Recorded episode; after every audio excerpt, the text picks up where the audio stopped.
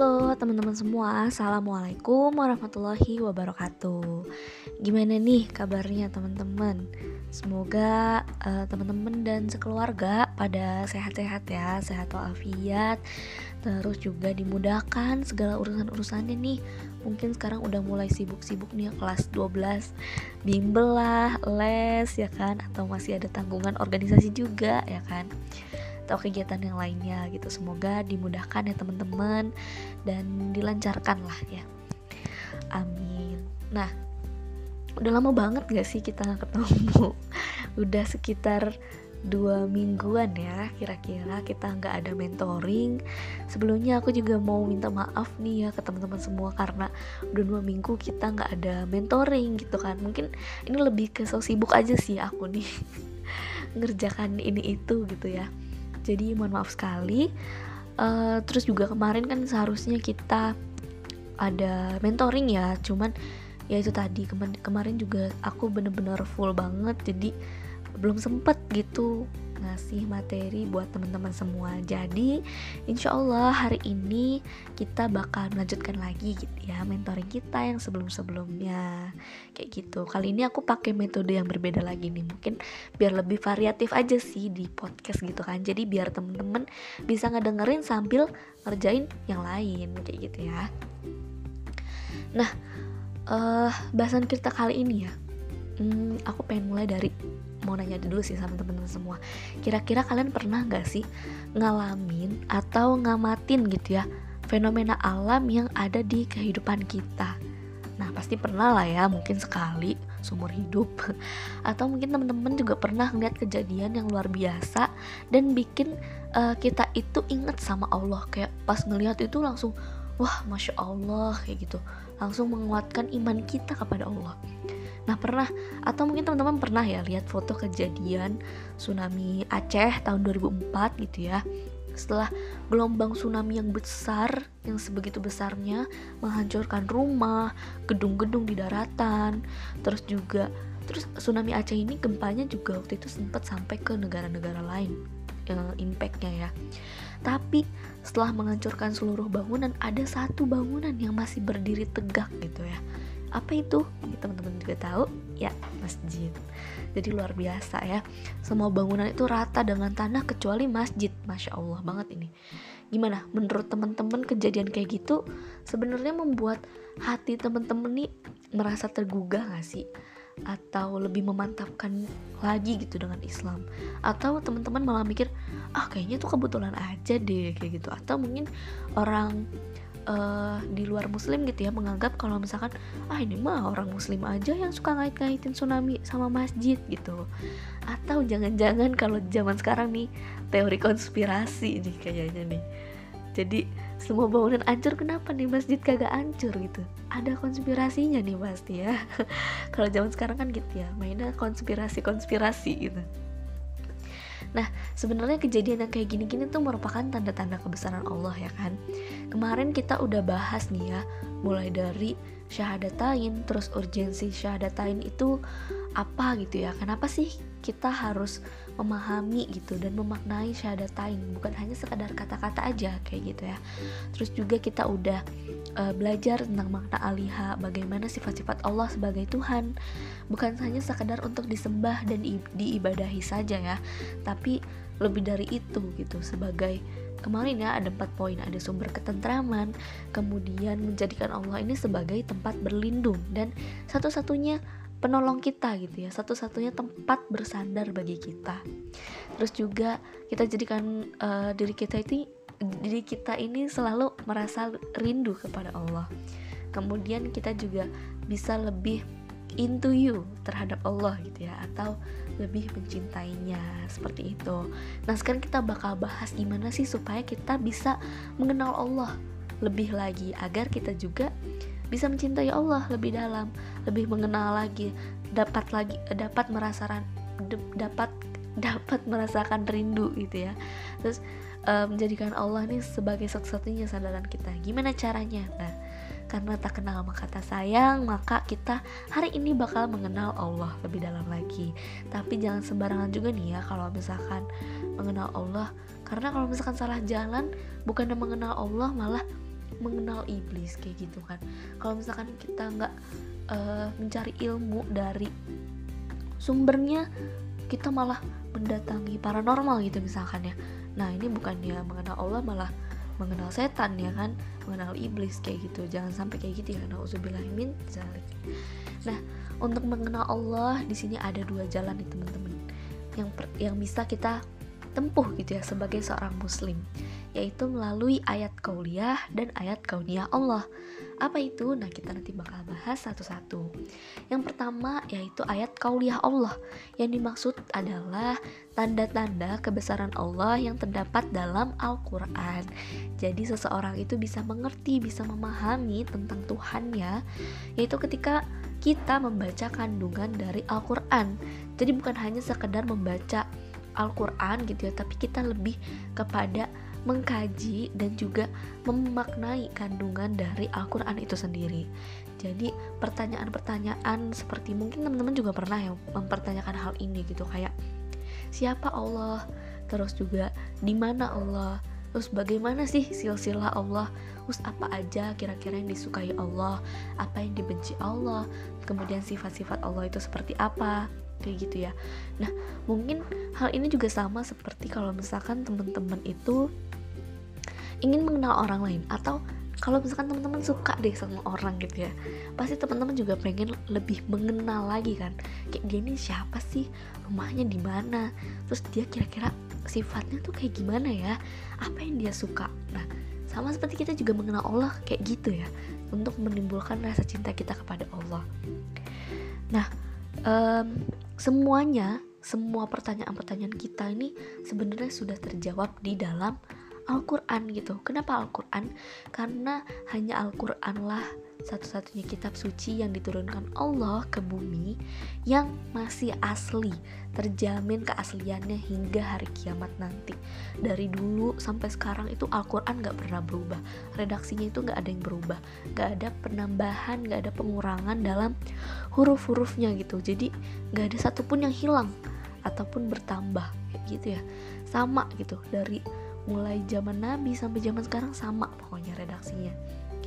Nah, kalau misalkan kita lihat sebenarnya kitab Injil dan kitab Taurat itu pun sebenarnya wahyu ya yang diturun yang diturunkan oleh Allah kepada siapa? Ayo inget gak? Kepada Nabi Isa ya dan Nabi Musa seperti itu. Nah, tapi ternyata kitab itu tuh sebenarnya sudah diutak-atik sama para pendeta atau rahib mereka gitu. Jadi tidak bisa dijadikan sebagai rujukan atau sumber hukum lagi gitu karena sudah tidak asli lagi, sudah ada campur tangan manusia kayak gitu.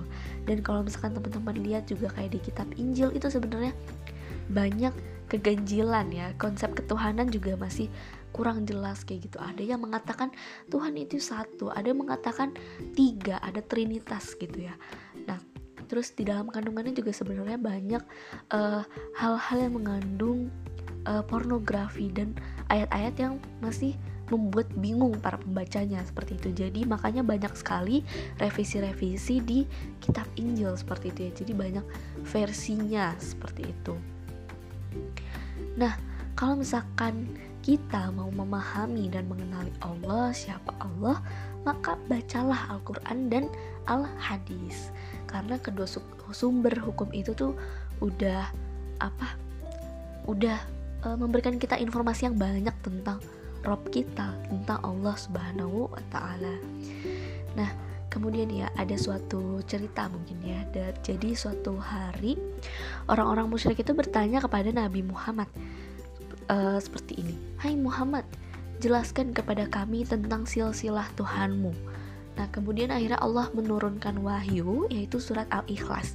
Mungkin teman-teman juga udah pada tahu kan ya udah hafal surat Al-Ikhlas nih.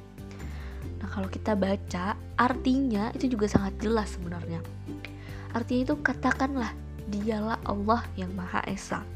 Allah adalah Tuhan yang bergantung kepadanya segala sesuatu.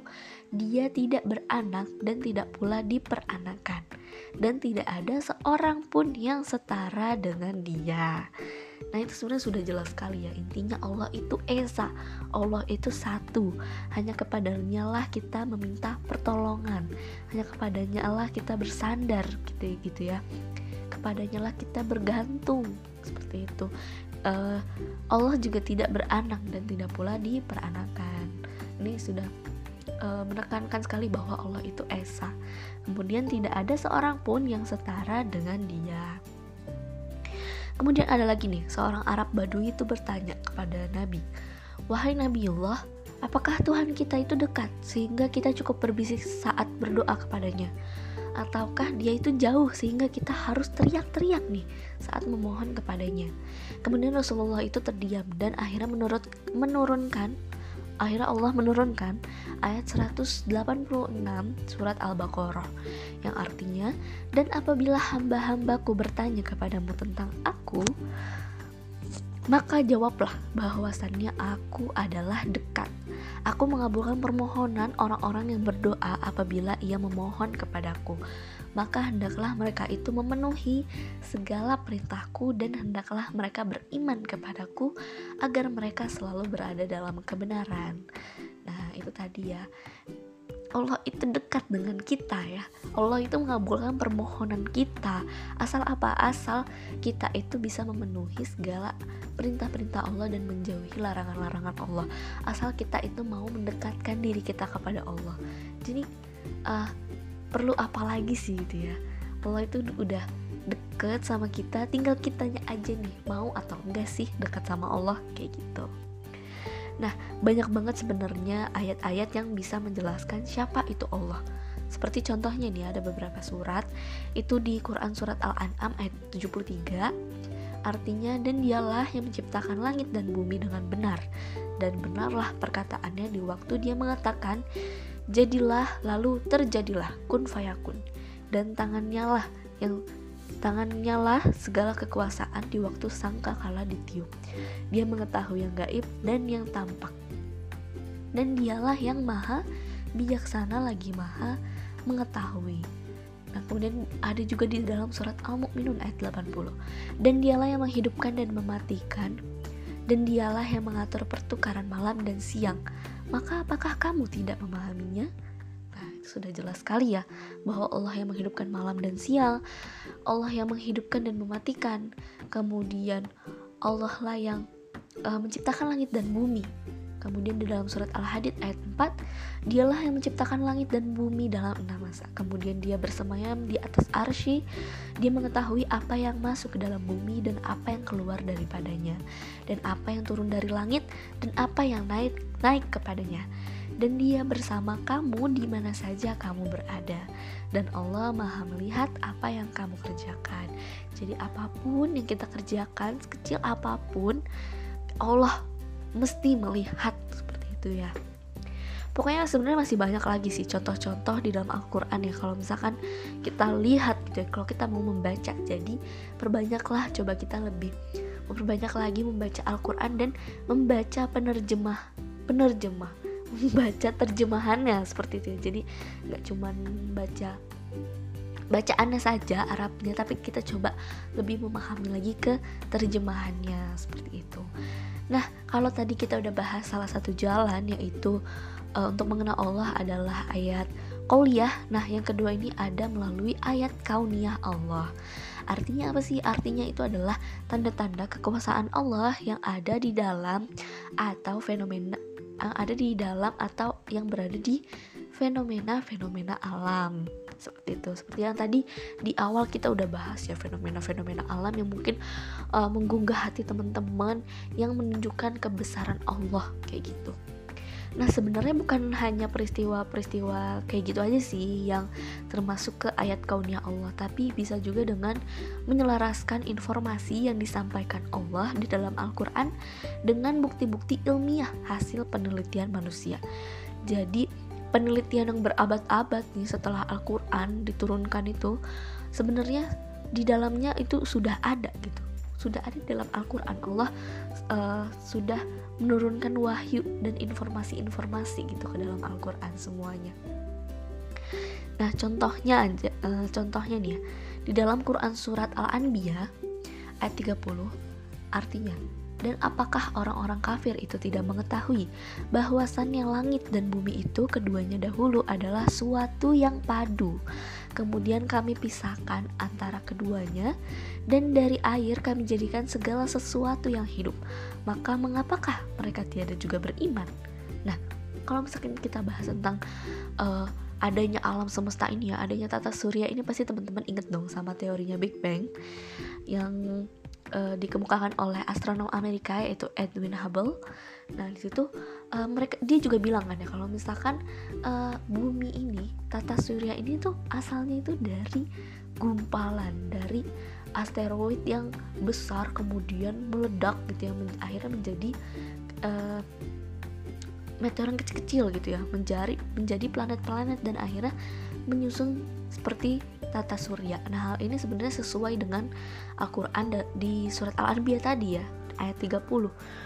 Allah menjadikan bumi itu keduanya adalah suatu yang padu. Tadinya itu menjadi suatu yang padu gitu antara langit dan bumi itu suatu yang satu atau berupa gumpalan kemudian lalu meledak dan jadilah susunan tata surya. Seperti itu.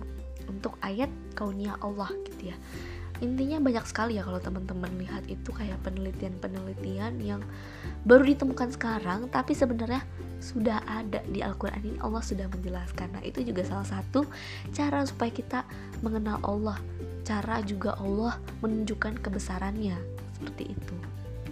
Nah kemudian ya setelah kita mengetahui jalan-jalan untuk mengenal Allah ya tadi melalui ayat kauliah kemudian melalui ayat kauniyah.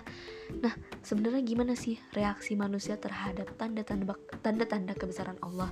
Nah, mungkin juga teman-teman bisa melihat sendiri ya ke sekitar teman-teman mungkin ya yang di, di, di ruang lingkup yang kecilnya seperti itu.